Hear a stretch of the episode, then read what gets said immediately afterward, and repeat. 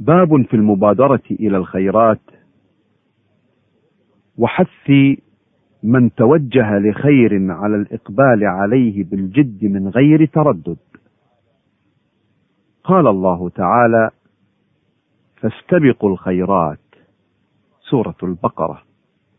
وقال تعالى: وسارعوا إلى مغفرة من ربكم وجنة عرضها السماوات والأرض أعدت للمتقين. آل عمران.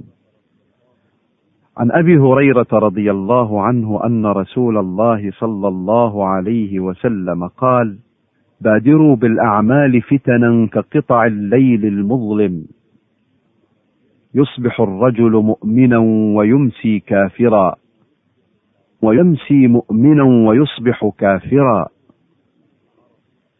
يبيع دينه بعرض من الدنيا. رواه مسلم.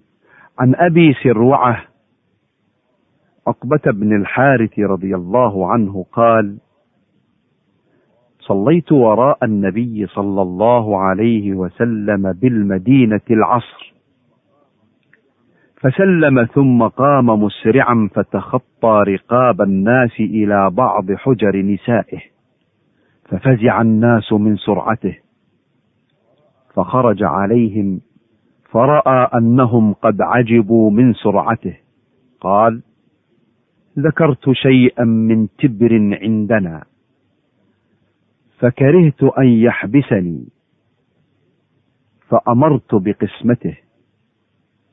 رواه البخاري. وفي رواية له كنت خلفت في البيت تبرا من الصدقة فكرهت أن أبيته. والتبر قطع ذهب أو فضة.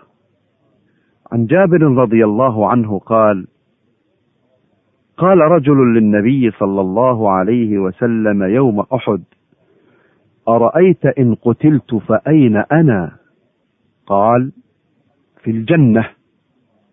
فألقى تمرات كن في يده ثم قاتل حتى قتل. متفق عليه. عن أبي هريرة رضي الله عنه قال جاء رجل إلى النبي صلى الله عليه وسلم فقال يا رسول الله أي الصدقة أعظم أجرا؟ قال أن تصدق وأنت صحيح شحيح تخشى الفقر وتأمل الغنى ولا تمهل حتى إذا بلغت الحلقوم. قلت لفلان كذا ولفلان كذا وقد كان لفلان. متفق عليه. والحلقوم مجرى النفس.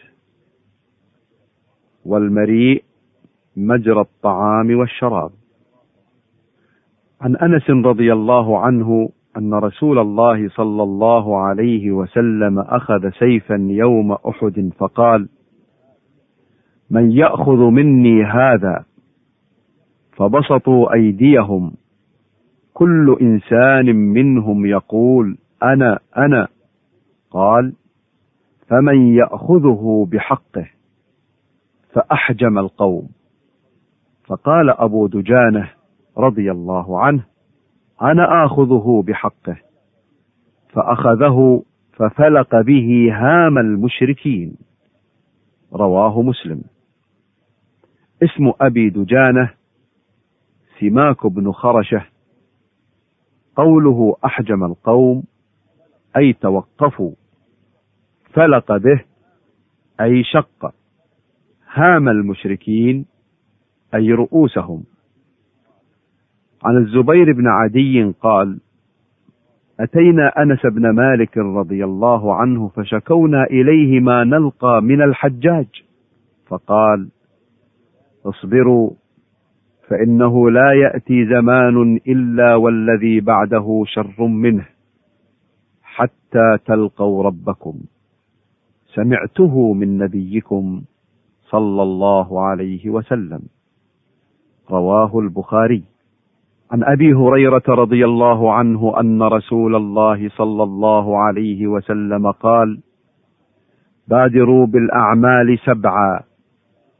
هل تنتظرون إلا فقرا منسيا أو غنى مطغيا أو مرضا مفسدا أو هرما مفندا؟ أو موتا مجهزا أو الدجال فشر غائب ينتظر أو الساعة فالساعة أدهى وأمر.